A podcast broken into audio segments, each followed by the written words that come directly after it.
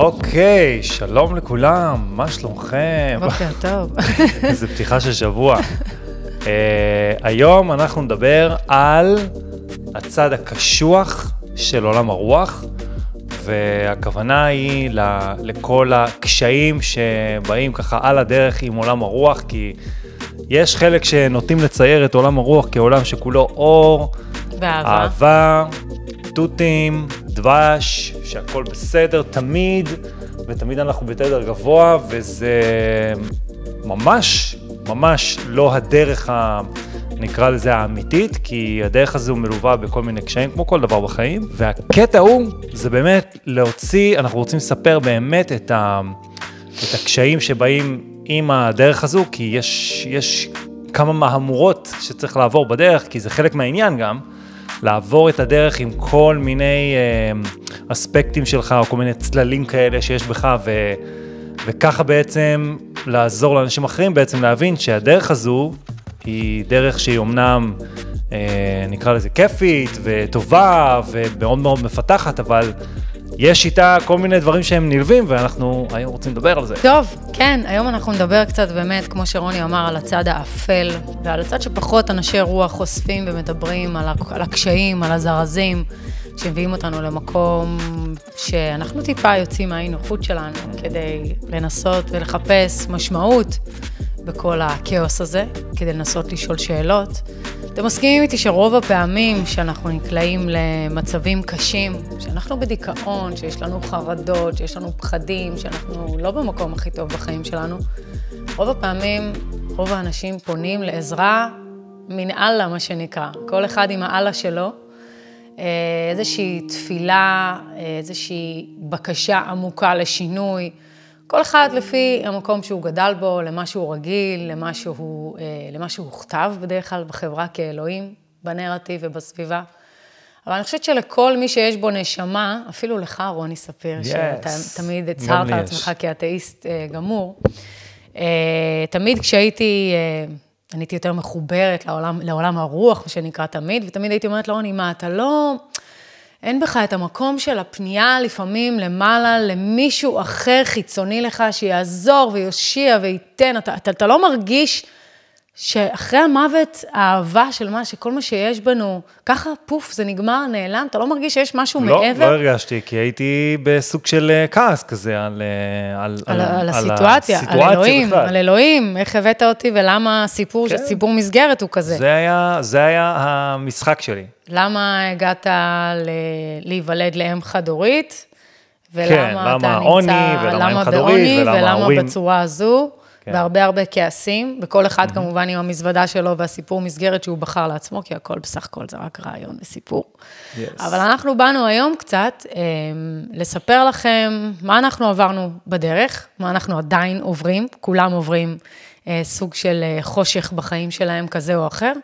וכל חושך וכל תהליך, אה, אנחנו שמים לב שמביא אותנו לצמיחה גדולה יותר, להבנה גבוהה יותר של מי אנחנו, מה אנחנו רוצים, מה המשמעות של כל זה, וזה אף פעם לא עוצר, זה גם לא יעצור לעולם, כי ההתפתחות שלנו היא מונעת ממקום של חושך ואור וחושך ואור ותפיסה אינסופית של מין אני, גלי אני ים. כאילו מתאר את זה ממש כמו דופק, כזה שרואים באקו-לב, אז שזה עולה ויורד, עולה ויורד, עולה ויורד, עולה, עולה ויורד, עולה ויורד.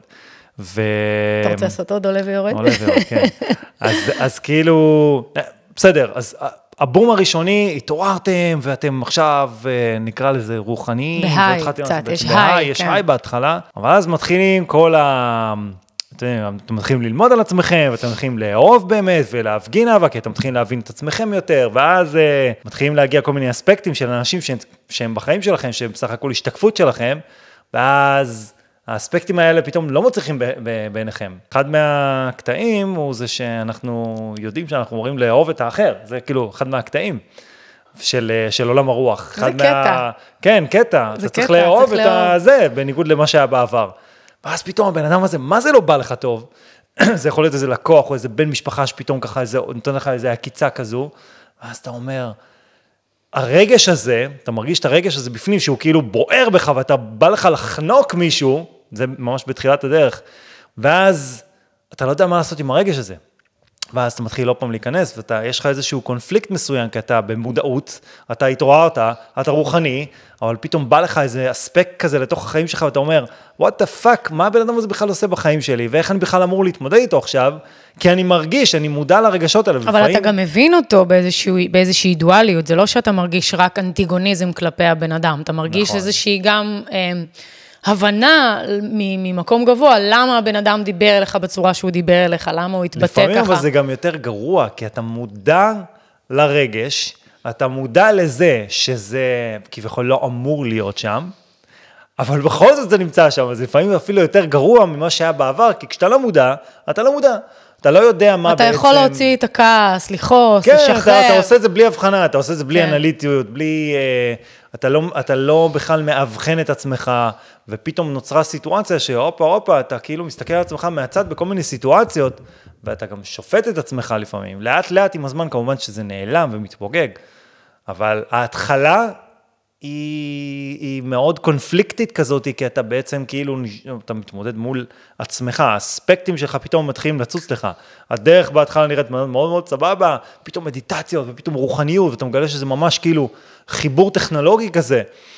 ואז פתאום מתחילים לצוץ כל הדברים שאתה כן צריך להתמודד, מה שנקרא, השיט פתאום עולה למעלה. כן. וזה מגיע עם כל מיני אספקטים של אנשים שבעצם הם המראה שלך. שהם חלק ממך בעצם, הם פתאום מתחילים לצוץ לך בחיים. וזה אחד הדברים הכי, בכלל, כל הקטע החברתי הוא... האינטראקציה הוא אל, מול, אל מול אנשים, כי ברגע שבאמת צצים לך האנשים האלו, אתה צריך להתמודד ולהבין ולשאול את עצמך, רגע, אם הוא, כן, ככה זה האנליזה שהולכת בראש, אם הוא חלק ממני בעצם, ואני משתקף בצורה כזאת אגרסיבית אל מולי, מה יש אצלי שעוד אני צריך לשחרר ולפרק כן. כדי לא להיות הדבר האגרסיבי הזה. מה אני מחזיק אצלי? שהבן אדם הזה יתנהג אליי בכזו אגרסיביות, למה אצלי עוד מוחזק רגש של, אה, שאני לא מתעלם מעל האלמנט, מעל הביטוי הרגשי הזה? כי בתכלס, תכלס, תכלס, כל עניין ההתעלות שלנו, אני חושבת, כמין אנושי, הוא להתעלות מעל העולם הרגשי שמונע מאיתנו אה, יצירה. אוקיי? וזה אומר כל הפחדים שלנו, החרדות, האי-הצלחות, המקום שבו אנחנו קטנים, מפוחדים, בפינה יושבים, שגם אנחנו אומרים הרבה, אכלו לי, שתו לי, לקחו לי, מאשימים את הבחוץ. אז כל ההתעוררות וכל המקום שבו אנחנו מגלים את עצמנו מחדש, הוא לגלות את עצמנו לרגשות אחרים, ואפילו להעצים רגשות שלא הרגשנו בחיים, כי מעבר לאהבה היומיומית שאנחנו חולקים, בין, בין בני זוג, בין במשפחה, בין הילדים שלנו, mm-hmm. יש רגשות שאני חושבת שאנחנו עוד לא חווינו כמין אנושי. אנחנו עוד לא הגענו לרמת רגש שיכולה לסחוף אותנו ליצירה מאוד מאוד גבוהה. וככל שאנחנו בעצם מתעלים מעל ההיבטים הרגשיים שמונעים מפחדים, מריבים, מכסחים, מ... ככל שאנחנו מבינים את זה ואנחנו אומרים, רגע, אני בוחר, עכשיו אני בוחר. עכשיו נוצרה סיטואציה, היה איזושהי מחלוקת, אני באה מול הבן אדם ואני בוחר. אני בוחר האם אני רוצה להתנגח בו, האם אני רוצה לצאת עם ידי על העליונה ולהוכיח אותו ולהראות שאני טוב ממנו, או האם אני מבין שהבן אדם הזה הוא בעצם אני. וכנראה שהוא עבר דבר, שניים, שלוש, שגרם לו, ואתה בוודאי יודע גם, אם אתה מכיר אותו, אז זה סוג של להבין את הבן אדם שמולך, להכיל את הכאב שלו, להבין את עצמך, למה חווית את זה, ולהתעלות מעל האלמנט הרגשי ש, שקיים בך. וזה משהו שהוא מאוד מאוד מאוד מאוד קשה, כי אני למשל, אחד הדברים שהיה סוג של מבחן מאוד קשוח, זה להתעלות מעל המוות של אימא שלי. כי אני זוכרת את עצמי כילדה, או לא, לא משנה מה, כל החיים אומרת, שאם אימא שלי תמות יום אחד, אני אמות, אני לא אעמוד בזה, אני לא אצליח להחזיק ב, בעולם הזה מעמד. זה משהו שהיה אצלי טבוע מאוד, כי הייתי מאוד קשורה לאימא שלי, היא הייתה סוג של החברה, מקום מפלט, מי שמבין אותי, מי שמחזיק, הקרקע היציבה של העולם שלי. ו... ובאיזשהו שלב, אה, לפני המוות, כאילו, הרבה לפני המוות, אה, אימא שלי נפטרה לפני שנה וחצי, mm-hmm. הרבה לפני המוות, אה, נבע בי מין כוח פנימי, שאמר לי שאני צריכה פשוט לשחרר אותה עוד לפני שהיא חלתה, שהגיע הזמן לשחרר אותה, שאין לה כרגע מטרה בחיים שלי, כי אין לה מה לתרום לי יותר באיזשהו אופן. כמובן שזה הרבה יותר עמוק, וזה הבנות עמוקות ושיחות עם אלוהים, מה שנקרא. אבל uh, הכוח מאוד ששדרג אותי, נקרא לזה, שהצלחתי להתעלות מעל הרגש הזה של האבל ולצאת ממנו, להקציב לעצמי זמן להיות אבלה, אבל גם להשתחרר מהאבל ולהבין איך הדברים עובדים, כדי להבין שאימא שלי לא נגמרה, היא רק המשיכה במקום אחר ואני מאפשרת לה, ואנחנו ניפגש עוד, כי אני זו היא והיא זה אני, אז אין נפרדות. עכשיו, שוב, לא כל אחד יכול להגיע לרובד שהוא מתעלם מעל האלמנט הרגשי ומצליח לשלוט בעולם הרגשי שלו, וזה כמובן עבודה, אבל כדי להגיע לשם, אני עברתי המון תלאות והמון חושך, המון בכי, המון, המון אה, שאלות שעולות. וזה זה, זה אחד הקטעים הקשים, כי אתה רוחני, אתה מבין את העולם שמעבר, אתה מבין את כל הקטע של המוות, ופתאום בא לך איזה משהו כזה, כמו המוות של, המחלה של אמא של נור, ואז אתה לא מבין, רגע, שנייה, אני יכול לעזור. אני יכול לעשות משהו, בהתחלה רצינו לעזור. ונלחמנו גם נכון. על הסיכוי שלה להישאר פה בצורה של טיפולים ובצורה שכל מה שאנחנו יכולים שנינו לעשות. אבל עמוק בלב הייתה בי הידיעה וגם השמיעה האחורית, נקרא לזה, שאמרה לי, את לא יכולה לעזור לה. כי בסוף זה בחירה אישית. לא תוכלי אישית. לעזור לה. וגם אז, כשהיא הגיעה אליי בתחילת התהליך, מה ששמעתי היה שאני לא אוכל לעזור לה בשום צורה, וזו לא החלטה אה, שלי, זו החלט, החלטה של שתינו. זו בחירה נשמתית של הבן אדם עצמו. אבל זו בחירה נשמתית, פשוט לעזוב, כדאי, כי הבן אדם מאס, אה, הבין אה, מה, מה הוא צריך ומה לא, והוא הגיע לאיזושהי החלטה. וזה, וזה צריך לכבד. וזה מוביל גם לעוד משהו, שכאילו, בתור אדם רוחני, וזה, אתה כאילו רוצה לעזור לכולם, זה ממש כאילו בוער בך. ואז אתה כאילו עובר כזה ואומר לאנשים, לא, לא, אתה צריך לעשות ככה, ולא, אתה צריך לעשות ככה, ופתאום אתה קולט שאתה מבלבל את השכל ליותר מדי אנשים, ולפעמים אנשים לא רוצים לשמוע את זה. כי זה כאילו שאתה מנסה לשכנע אותם. בסוף, כשאתה, נקרא לזה על הגל, אז אתה מפסיק לדבר על זה. וכשאתה מפסיק לדבר על זה, אז זה בא לך יותר בקלות, כי אז בעצם אנשים אחרים שואלים אותך, מה אתה עושה. וכשאתה בא ואתה מנסה בהתחלה... לשכנע, לשכנע. לשכנע, אז כן. בני אדם קולטים את זה, זה כמו מניפולציה. לא מניפולציה זה מילה רעה. אבל זה, זה כאילו... לא שזה נעשה בצורת, אה, בצורה שאתה רוצה לחנך אותם, אתה רוצה להטיב איתם, אתה רוצה שיהיה נכון. להם טוב כמוך, אתה גילית משהו שהוא מאוד מאוד טוב, אתה רוצה לתת אותו בחזרה, ואנשים תופסים את זה כהתנשאות. ופה אה, אה, אנחנו גם למדנו על בשרנו עד כמה הסביבה והמשפחה והאנשים מקרינים לנו איזושהי אנרגיה של אה, אתם מתנשאים, גיליתם את, ה, את האור ואתם מתנשאים עלינו. עכשיו, אני מבינה שזה יכול להישמע ככה, זה, זה באמת נשמע ככה מהצד. ולכן גם ההכלה שלנו להבין את האנשים האלה שאומרים לנו שאנחנו מתנשאים, כי אנחנו מבינים משהו ואנחנו חושבים ש... הדרך שלנו, אנחנו לא חושבים, אנחנו מאפשרים, מה שנקרא, לכל אחד לעשות מה שטוב לו. כן, בהתחלה זה לא היה מובן, וזה היה קשה לשמוע לא, את זה. בהתחלה גם לי, מה, אני, אני בהתחלה יריתי לכל כיוון את האמת שלי, איפה שאני יכולה. אני, אני נטרפה לי הדעת באיזשהו מקום, כי איבדתי את ה mind הישן שלי. איבדתי את ה mind, את ה mind הישן, ובניתי mind חדש על בסיס בעצם אמונות אה, שאין להם אחיזה. כי once יש לך אחיזה באמונה, אתה עדיין אה, אה, לא מאפשר לך, לעצמך להיות בזרימה עם היקום. כל עוד יש בך אמונות ומחשבות שמסרסות אותך לכדי משהו אחד, אז אתה לא תוכל להת, כאילו mm-hmm. להתפתח. ואחד הדברים שגורמים לנו בעצם להתפתח, לי ולרוני, זה גם השיחות שלנו והאי הסכמה, גם על דברים. כי ברגע שיש אי הסכמה, אז יש פרספקטיבה אחרת, אנחנו לומדים אחד מהשנייה. וגם אנשים שמולנו, שאנחנו שומעים, שאנחנו קוראים בספרים, לא חייבת להיות הסכמה ולא חייבת להיות הזדהות עם הכל, וטוב שאין הזדהות, כי ככל שאין הזדהות, יש צמיחה ויש למידה, אם כולנו נסכים על אותו, על אותו דבר בעצם, לא יהיה כאן כלום, לא יהיה כאן שאיפה, לא יהיה כאן brainstorming, לא יהיה כאן אה, סיור מוחות, לא נגיע לשום מקום. עכשיו, זה צעד קשוח מאוד. כל הקטע הזה של החברה שאתה מתמודד איתה, זה לא כזה, כי אתה חוטף את זה מכל מיני כיוונים. בהתחלה אתה מדבר על דברים כאלה, ואתה אומר לך, מה אתה קשור בכלל לשטויות האלה? מה אתה מדבר איתנו בכלל על הדברים האלה? איפה רוני הישן? איפה רוני ה... ואני עוד התחלתי לדבר כאילו על דברים הרבה יותר קיצוניים. על, חוט, כן. על חוצונים, על חוצונים, ישויות, על על שליטה, על על אליטות שליטה, על ששולטות פה. התחלתי לדבר על דברים הזויים לגמרי, וזה באמת היה נשמע הזוי, זה לא בא מכיוון של אה, הבנה גלובלית, זה גם היה הבנה גלובלית, אבל זה היה טעון בהמון רגש ובהמון כעס שלי על המדינה, על הצבא, על, אה, על מה שקורה פה, על מדינת ישראל, על תאגיד ישראל, או איך שאתם רוצים לקרוא לזה.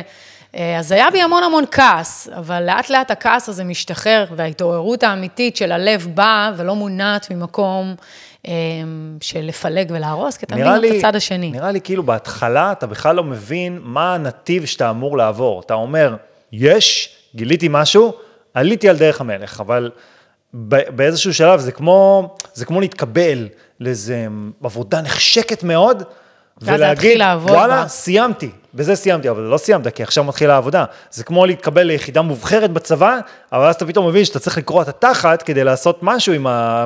להתאמן ולעשות את זה. אז כאילו, זה מה שקורה בהתחלה, אתה כאילו לא מבין באמת מה... את- אף אחד לא מסביר לך, כן? זה לא שאתה, יש לך איזה... גם לכל אחד יש דרך אה, זה. אחרת, גם כל, כל אחד עובר דרך אחרת. לא, לא כולם יחוו למשל חושך כמו החושך שאני ואתה עברנו. לאחד מספיק הרבה חושך, ואחד צריך כמות מטורפת של חושך, כי הוא בכלל בחר בהתפתחות מטורפת, אז הוא צריך כאילו הרבה הרבה הרבה חושך. זה מאוד תלוי מה הפלוס שאתם רוצים לתפוס, כי ככל שיש יותר מינוס, יש ירידה לצורך אה, כניסה לתנופה וזינוק. ואז אתה מזנק יותר גבוה לכיוון האור ויכול... זה הכל המינוסים- דואליות של פלוס ומינוס. אז המינוסים האלה הם בעצם כל מיני נפילות, נפ, זה לא נפילות, כן? זה כל מיני אה, אספקטים או, או עוד אירועים סינון, עוד שקורים לך. במהלך הדרך, ואתה כאילו חווה אותם, וכשאתה חווה אותם, אתה חווה פתאום איזשהו down, ואתה אומר, אחד הדברים הכי down, אם נקרא לזה, זה דברים שלא עובדים. בתכלס, אתה לא מצליח לממש אותם, אתה לא מצליח לעשות עליהם הגשמה, manifestation, מה שנקרא, ולפעמים זה לא עובד. אחד הדברים שהיו, נגיד עכשיו שאני זוכר את זה, זה נגיד בקוסטה ריקה. קוסטה ריקה למשל, היה לנו איזשהו vision, או איזשהו חזון כזה, שאולי אנחנו כן נצליח לתפוס שם איזושהי נישה, שתאפשר לנו נניח אה, לפתח שם איזושהי קהילה, אפילו קהילה עסקית, או, או איזשהו רעיון כזה, כי פה בארץ ראינו שהמקום, המקום הזה הולך קצת לכיוון שהוא כזה, עוד פעם סגר, ועוד פעם בידודים, ועוד פעם זה, ועוד פעם... רצינו משהו אחר, ואז פתאום בקוסטה ריקה זה לא עבד, זה לא עבד. לא משנה כמה היינו שם וכמה זה, אבל מה שקרה בסוף הדרך, מה זה לא עבד? לא מצאנו את הפינה שלנו, לא מצאנו את המקום ואני שלנו. בטוחה שיש שם עוד מקומות שבכלל לא ראינו, כי פשוט לא היינו חשופים למקומות האלה, כי כנראה אבל היה בנו. מה גילינו בעצם? שבעצם האינטואיציה שלנו הפנימית אמרה, אתם בכלל לא רוצים להיות שם, אתם לא צריכים להיות שם. זה משהו שאנחנו זה למדנו. אבל משהו ש... זה משהו ששנינו- עמוק, כן, ששנינו. שנינו הרגשנו ב... בתחילת הדרך. הרעיון למסע או משהו אחר היה לצאת מגבולות ישראל כדי להרגיש גם עם הילדים, מה זה חופש למשך הרבה מאוד זמן, ללא תלות, אה, מה שנקרא, בעבודה או במשימות שיש לנו לעשות, זה היה ממש לצאת אל הלא נודע ולחוות מהו חופש כזה אמיתי.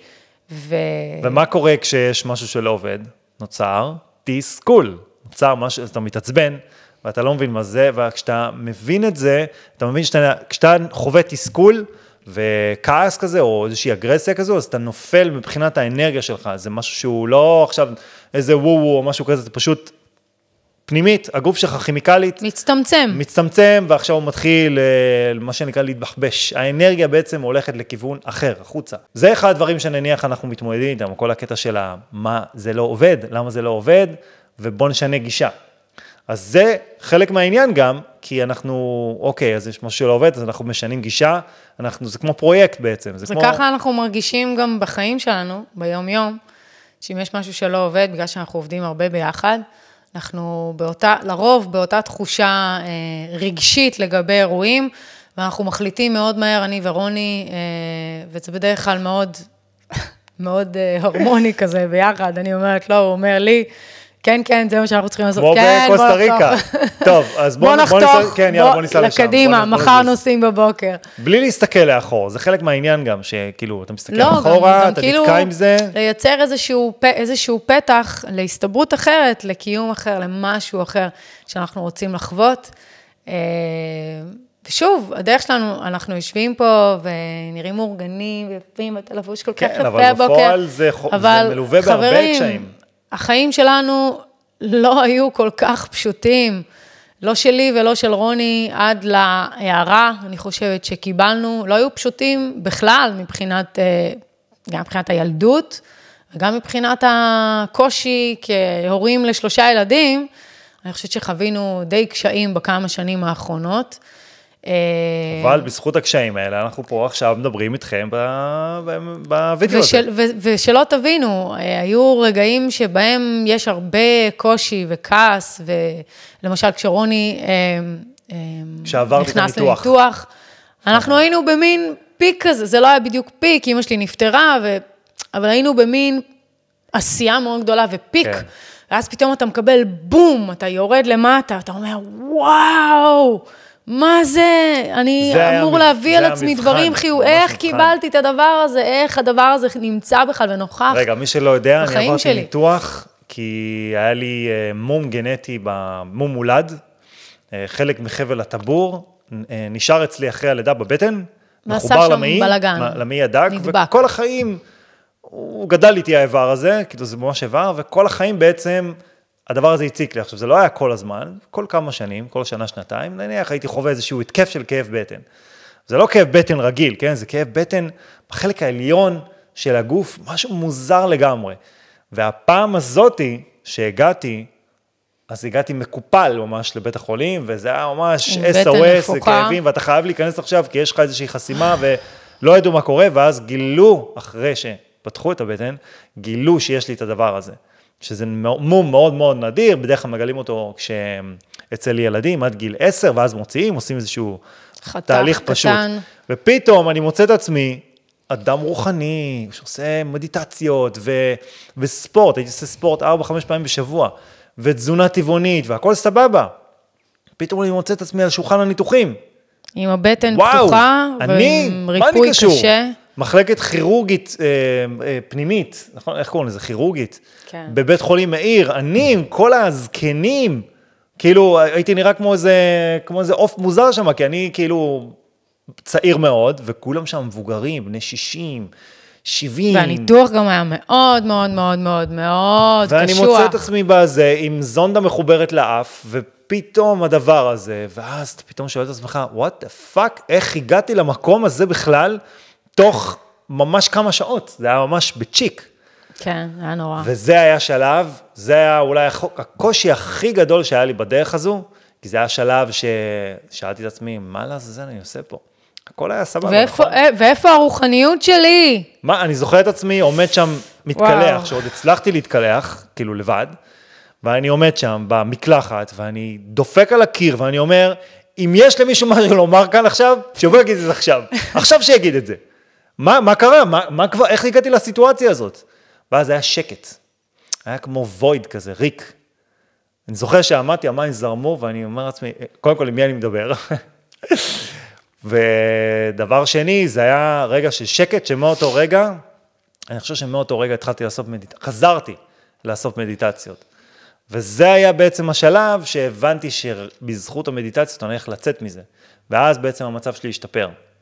אבל זה היה קושי, בצד מאוד מאוד קשוח, שאני לא יודע, כל אחד חווה, אתה יודע, אירועים כאלה בצורה אחרת במהלך הדרך שלו, אבל זה היה כאילו בום, אבל בזכות הניתוח הזה, הכרתי למשל את דוקטור ג'ו דיספנזה, ששינה לי לגמרי את כל החשיבה, כאילו, אז וואו, וגם עשיתי קורס שלו. ומי הכיר לך את דוקטור ג'ו דיספנזה? אה, יוטיוב, סתם. איי, כן, את. אז אה, זה אחד מה... זה אחד, זה אחד מה... זה. עוד, עוד, אה, עוד אספקט שהוא תמיד נוכח בחיים של כולנו, זה כל הנושא של כסף.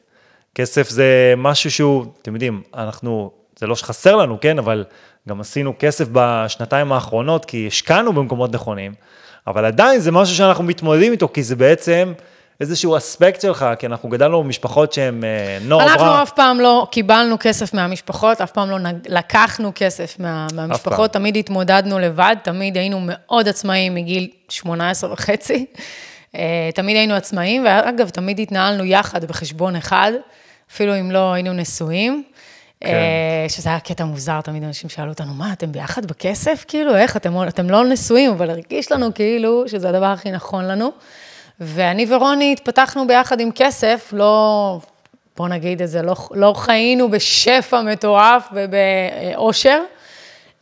אבל הצלחנו להגיע לאיזושהי רמת חיים מסוימת, שהיא נוגדת את, ה, את הסיפור, את ה pattern, את, את ה pattern הישן שלנו, שהוא pattern שאנחנו משחררים, שחררנו, ואנחנו עדיין משחררים עד היום, כי... עדיין משחררים יש, ועדיין יש, עובדים על זה. בדיוק, יש תמיד אתה, הרי יש אה, מישהי שהגיבה לנו בטיקטוק, דרך אגב, השידור הזה עובר ב live עכשיו לטיקטוק, והוא גם, מי שצופה עכשיו בטיקטוק, הוא גם עולה לערוץ היוטיוב שלנו, אז uh, יש מישהי שאמרה לנו בטיקטוק, uh, הגיבה ואמרה, אין דבר כזה למידה והתפתחות אינסופית, יש למידה וזהו.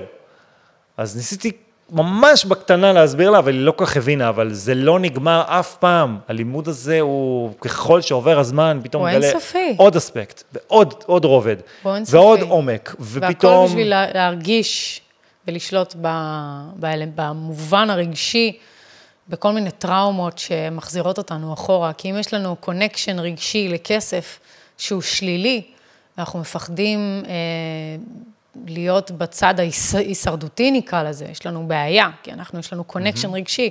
once ה connection הרגשי הזה מופיע כשאתם רואים כסף, או כשאתם מעבירים כרטיס אשראי, או שאתם מגיעים לנהל שיחה עם הבנק, או כל דבר אחר, ה connection הרגשי הזה בין, הרמה, בין הרגש המדויק, וזה רגש מדויק שחוזר אצל כל אחד בנוגע לכסף, האם הוא מרגיש כן, אני עם הבנק, כאילו, והכי נונשלנטיות, או האם הוא מפוחד ומכווץ, והאם הוא מפחד, אז כל זה בעצם מסרס את השפע מבכלל להגיע אלינו, כי אנחנו לא מאפשרים לאלמנט הרגשי שמושך את השפע, להשתחרר, במקום להרגיש שאנחנו במקום המדויק ויש לנו שפע, ושפע תמיד יהיה לנו, ואם נרצה עוד כסף, יהיה לנו עוד כסף. זה, זה משהו ב mind לשנות. נכון, אז זה אחד הדברים שאנחנו מתמודדים איתם באופן כללי, ועברנו איזשהו תהליך בשנתיים האחרונות, שפתאום תפסנו ביצים, ואמרנו, אוקיי, זה בוא משחק. נעשה את זה, זה משחק. בוא, בוא נעשה נשחק נכון. בוא נשחק נכון. אולי עשינו טעויות בדרך, אתם יודעים, עשינו... בטח שעשינו. השקענו פה וזה לא עבד, השקענו כאן וזה כן עבד, אבל אם אני לא מנסה, אז אני לא יודע. זה אחד הדברים שהיו הכי קשים לנו, כי איך ש... נור תמיד הייתה יותר משוחררת בקטע הזה, כי היא הייתה... אמ, הייתה יותר פתוחה ב mind לעשות את זה, אני הייתי מאוד, הייתי עושה אקסלים והייתי מאוד אה, מדוד מבחינת הזה, לא שזה עזר יותר מדי, כן? עצם העובדה שאתה, אם אתם עושים אקסלים כל חודש ואתם מחשבים את כל זה, זה רק מוביל אתכם יותר למטה. אתם מצומצמים, אתם בצמצום. אתם רק בעצם מודדים כל רגע בעצם כמה יש לכם וכמה, זה לא הדרך לעשות את זה, מניסיון. ואני לא אומר שעכשיו אנחנו מולטי מיליונרים ועכשיו הגענו לעכשיו איזשהו... ממש לא. לא, אנחנו לומדים את זה עדיין, אבל הדרך ההיא שעשיתי בטוח לא הנכונה, במאה אחוז, וזה בעצם אחד הדברים הכי קשים שאנחנו התמודדנו איתם, כל הקטע של כסף. עדיין מתמודדים איתם, עדיין, עדיין, עדיין, זה לא פשוט. אנחנו עם שלושה ילדים, הנה, לדוגמה, עכשיו, יש לנו איזה מיזם שאנחנו רוצים להשקיע בו. ו... זה מיזם של הלייף. מיזם של, שאנחנו רוצים להיכנס לכל התחום של ה... אנחנו כבר בתחום הקריפטו, כן? אבל יש לנו איזה מיזם שאנחנו רוצים לייצר... חברתי. חברתי, משהו שהוא יעזור לאנשים אחרים להיכנס גם לעולם הזה, גם מבחינת חינוך, וגם מבחינת ידע, וגם מבחינת השתלבות ופיתוח בעצם של אחד והשני, ונדרש בעצם כסף להשקיע בפרויקט הזה. נכון. ופתאום נפל לי האסימון, ואמרתי, רגע, שנייה, אבל זה פרויקט כל כך טוב, והוא הולך, הולך לתת ענק. כזה בוסט לאנשים, אבל צריך לממן אותו.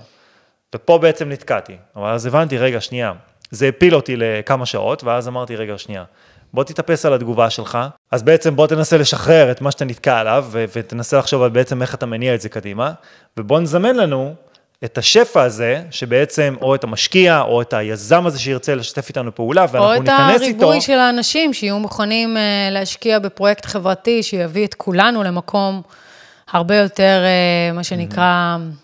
בעל שליטה, ולא לתת שליטה לגורם צד שלישי או לאוטוריטה, כמו ממשלה וכדומה, לנהל אותנו כאן. אז זה כאן. בדיוק הקטע הוא, שפתאום זה הגיע, ואז פתאום חושך, אתה חווה את זה ואתה נהיה מתוסכל, אבל כל הרעיון הוא שזה בסדר להגיב, זה בסדר uh, ליפול לכמה שעות, אבל כל העניין הוא זה כמה זמן אתה מגיב לסיטואציה. זה לא משנה עכשיו אם זה המיזם הזה שדיברתי עליו עכשיו, או אם זה מישהו שעקץ אתכם, או שזה חברה שעזבה אתכם. או השכן שפתאום אה, עצבן אתכם או משהו כזה, זה לא משנה כרגע מה, או המצב שלכם בחשבון בנק. כל העניין הוא בעצם כמה, מה משך הזמן שאתם מגיבים לסיטואציה, לבן אדם, לאירוע, למצב, לכל דבר שקורה לכם בחיים. כי נכון. ככל שאתם מגיבים יותר זמן, אז בעצם אתם מפתחים סוג של, אה, נקרא לזה בלנד רגשי, כימיקלי, הורמונלי. תלותי. תלותי, בדיוק, שאתם מושכים את כל האנרגיה מכל הגוף שלכם, ואתם מרכזים אותה באיזשהו משהו חיצוני כזה. נותנים לגוף שלכם לנהל אתכם במקום שאתם תנהלו את הגוף, בדיוק. כי אז יש לינק רגשי שמונע מהמקום הזה, ובמקום להתעלות מעל הלינק הרגשי הזה ולהגיד, רגע, אני מצמצם את הטווח של הדיכאון שלי, אני נותן לעצמי שבועיים לבכות, להתאבל, לראות סדרות עצובות, מוזיקה, לקרוא, מה שנקרא, כן. לגג'דר. ואחרי הגג'דור הזה, שהיה שבועיים, אנחנו יוצאים מזה, אנחנו אומרים, די, היה, נגמר, הלאה, נקסט, מה נקסט, מה הלאה? כי אם אנחנו נמצאים בזה, רוב הסיכויים שנייצר את אותו האירוע או אירועים דומים באותו אופן, אופן שוב ושוב ושוב, וזה יביא את אותה מציאות שוב ושוב ושוב, ובכך אתם בעצם לא תצליחו לצאת מהלופ הזה שאתם יצרתם לעצמכם, אלא אם כן התעליתם מעל הפן הרגשי. מה, מה את אומרת הצד, העניין הכי קשוח, או נקרא לזה קשה, שאנחנו מתמודדים איתו, חוץ מכסף, בסדר, כסף זה משהו שכולם מתמודדים איתו, זה לא משהו, זה... אני אומר שזה משהו חברתי, תמיד זה משהו חברתי. אני אומרת שזה הכרה ואהבה. כי mm-hmm. רוב האנשים, מה אנשים מחפשים? אנשים מחפשים שיגידו להם שהם טובים בעבודה שלהם, שיטפחו להם שהבוס יבוא ויגיד, פשש, איזה פרויקט עשית. לא יודע למה, אף פעם לא היה לי את זה. סחטיין עליך, בוא, קבל. 20 אלף מענק. לשרוד את ה... כן, לשרוד את התהליך. קבל מענק על זה שהיית מאוד מאוד טוב בעבודה שלך, בפרויקט, ומה אתה מקבל בתכלס? אלף שקל שובר, שוברים לקניות בשופרסל. לרוב, לרוב, לרוב. יש כאלה חברות עם אופציות ודברים טובים, אני לא אומרת, יש כאלה שיודעים לפרגן, אבל לרוב אנחנו מחפשים את ההכרה, גם אם זה הכרה בעבודה, זה עדיין אהבה, סוג של אהבה, עדיין סוג של אה, יחסי גומלין, אחד עם השני, ואינטראקציה, וזה מה שאנחנו מחפשים, אינטראקציה ואישור מהבן אדם ההוא, שאני בסדר ואני ראוי ואהוב. כן, בני אדם באופן כללי מחפשים הכרה על מה שיש להם. הכרה, כן. גם אם זה רכוש. שיכירו. גם אם זה רכוש, תחשבי על כן, זה, כל הזמן הם רוצים, תראו את השעון שיש לי, אין שעון, תראו את השעון שיש לי, תראו את האוטו החדש שיש לי, תראו את, ה, את הבגדים. זה בסדר הרבה... להגיד, תראו אותי. כי כולנו לא, רוצים להתלבש יפה בבוקר, ולהרגיש נעים, ולשים בושם, ולהרגיש את עצמנו נעים, וזה בסדר להגיד, אני אוהב את עצמי. כי once אתה אוהב את עצמך, מן הסתם אתה תמשוך גם אנשים שאוהבים, וזה יהיה, אה, יהיה נעים. אבל כל אחד באגו, יש איזושהי רמה של אגו שקיימת בנו, נכון? Mm-hmm. אני נפרדת ממך, נולדתי בגוף אחר, אתה נולדת בגוף אחר, יש נפרדות, יש אגו, שזה בסדר, לאהוב את עצמך, זה מצוין, זה, זו המטרה, לאהוב את עצמך עד רמה כן. שאתה... אה, כמובן אה, מתאחד עם כל, כל מה שקיים, אבל אה, להגיע לאהבה עצמית ולהכיר בעצמך, זה לא משהו כל כך פשוט. וגם להרגיש שאתה נוסע באוטו הכי מפנק, ואתה רוצה להביא בשביל לעצמך את האוטו הכי מפנק, לך על זה, קנה את המוסטנג או whatever שאתם חולמים עליו, כדי לפנק את עצמכם בחומר, חומר הוא רוח. אני אישית לא הייתי נוסעת על מוסטנג כדי לא לייצר אצל השני אה, תחושה של אה, קיבוץ, לדוגמה. אז אה, לא, לא הייתי עושה את זה, אלא אם כן זה היה משרת, איזה חלום ילדות או משהו כזה. אבל אה, כן, אני חושבת שאנשים צריכים לאהוב את עצמם ולפנק את עצמם. ולהעניק לעצמם מה שאנשים לא עושים, הם מייסרים את עצמם, אפילו אם, קונים, אם קונים לעצמם משהו, לאחר מכן יש איסורים. אני חושב שהעניין הקשוח פה, בכל, נקרא לזה עולם הרוח, זה כל הקטע הבין-אישי חברתי. כי אתה עובר, דיברנו על זה בהתחלה, אתה עובר איזושהי דרך מסוימת, ובדרך הזאתי יש הרבה אנשים שמנסים למשוך אותך למטה. מלא אנשים. למשוך אותך למטה לא בכוונה, זה לא שהם עושים את זה מתוך כוונה רעה, הם פשוט רוצים לראות את מי שהם ראו לפני כן. וככל שבן אדם משתנה להם מול, מול העיניים, זה דבר שמאוד מאוד קשה לקבל, והמבחנים האלה, או האנשים האלה שמנסים למשוך אותך למטה, הם בעצם אספקטים ישנים שאתה מנסה לשחרר ממך, ואתה, הם בעצם רוצים להישאר בתוך החיים שלך. הם מזכירים לך את האני הישן שלך. האני הישן. שוב ושוב ושוב, ואתה בלי לשים לב, נמשך ו... עכשיו, מוריד זה- את הראש לס... לסיטואציה. עכשיו, זה לאו דווקא מגיע בצורה שהם מושכים אותך למטה, כי יכולים לבוא גם אנשי רוח, למשל, שהם רוחניים, אוקיי? ופתאום ייכנסו לך לחיים, ואז פתאום אתה תגלה שהם הם אלה בעצם שהם השתקפות שלך במהלך הדרך, וההשתקפות הזו היא לא טובה לך. שזה דבר מאוד מאוד קשה להבין. היה לנו אה, סיטואציה חברתית כזאת עם זוג אה, רוחניים, נקרא לזה, שהם, אה, נקרא לזה, נקלעו לחיינו, הם היו, הם סבבה, הם אה, אנשים ממש ממש הם טובים, נקלעו. לחיינו ממש בתחילת הדרך, ואז החברות הזו נמשכה, אבל זה היה אספקטים מאוד מאוד ישנים שלנו, ממש של תחילת הדרך, ואספקטים שלא מתאימים לעכשיו. ואחד הדברים שהבנו זה שהם לא צריכים להיות חלק מהחיים שלנו ברגע הזה, כי הם מייצגים משהו מאוד מאוד ישן, והאינטואיציה פה אמרה, קדימה, הגיע הזמן לשחרר את זה, כי זה לא חלק מכם, זה חלק מאספקט מאוד מאוד ישן שלכם, שאתם חייבים לשחרר. ובלי שום קשר, שכל העניין החברתי מבחינת ההתנהלות, ה, נקרא לזה, היומיומית, ובכלל מה שאתם עושים בחיים, אה, מאוד קשה להכלה, כי אנחנו יושבים עכשיו פה, נגיד, מצלמים, אז אנשים יגידו לך משפט כמו, אין לך עבודה או משהו כזה? מה, אתה לא משעמם לא לך? בחיים, אתה לא זה, כי... כי מה הם- יוצא הם- לך מזה בכלל? מה יוצא לך מה מזה? יוצא כן. לך? צריך לצאת משהו, כאילו, שיראו את ה-money cash, מה שנקרא, כדי למדוד את ההצלחה. דיברנו, עשינו סרט על כן. הצלחה, כדי למדוד את ההצלחה שלך. אבל once אתה הצלחה ואתה מרגיש בעצמך הצלחה, אתה לא צריך את המשוב החיצוני שיגיד לך שאתה ההצלחה הזאת. יותר מזה, יותר מזה, כשבן אדם נניח, אה, הוא מסתכל עליך והוא רואה שאתה עושה משהו שאתה אוהב, והוא לא עושה משהו שאתה אוהב, זה מאוד מכאיב לו. ואז הוא מסתכל עליך והוא מנסה באופן לא מודע, הוא לא עושה את זה בכוונה, הוא אומר נכון. לך, מה אתה, מה זה הווידאוים האלה? מה, מה זה הדבר הזה? מה, מה אתה קשור לזה בכלל? מה, למה, אתם, למה אתם עושים את זה? זה לא מניב כסף, זה לא זה, אבל כשאתה עושה משהו שהוא ממש ממש כיף לך, זה לא משנה כל כך מה אנשים אחרים אומרים, והם לא יבינו גם את הצד שלך. וגם צריך להיות לך פחות אכפת, כי אם זה משחק, בוא תשחק, תהיה מלך במשחק, Yes. תשחק אותו הכי, הכי the best, מה שנקרא, תעשה את הכי טוב שלך, ות, ותיתן לעולם את הכישרון שלך.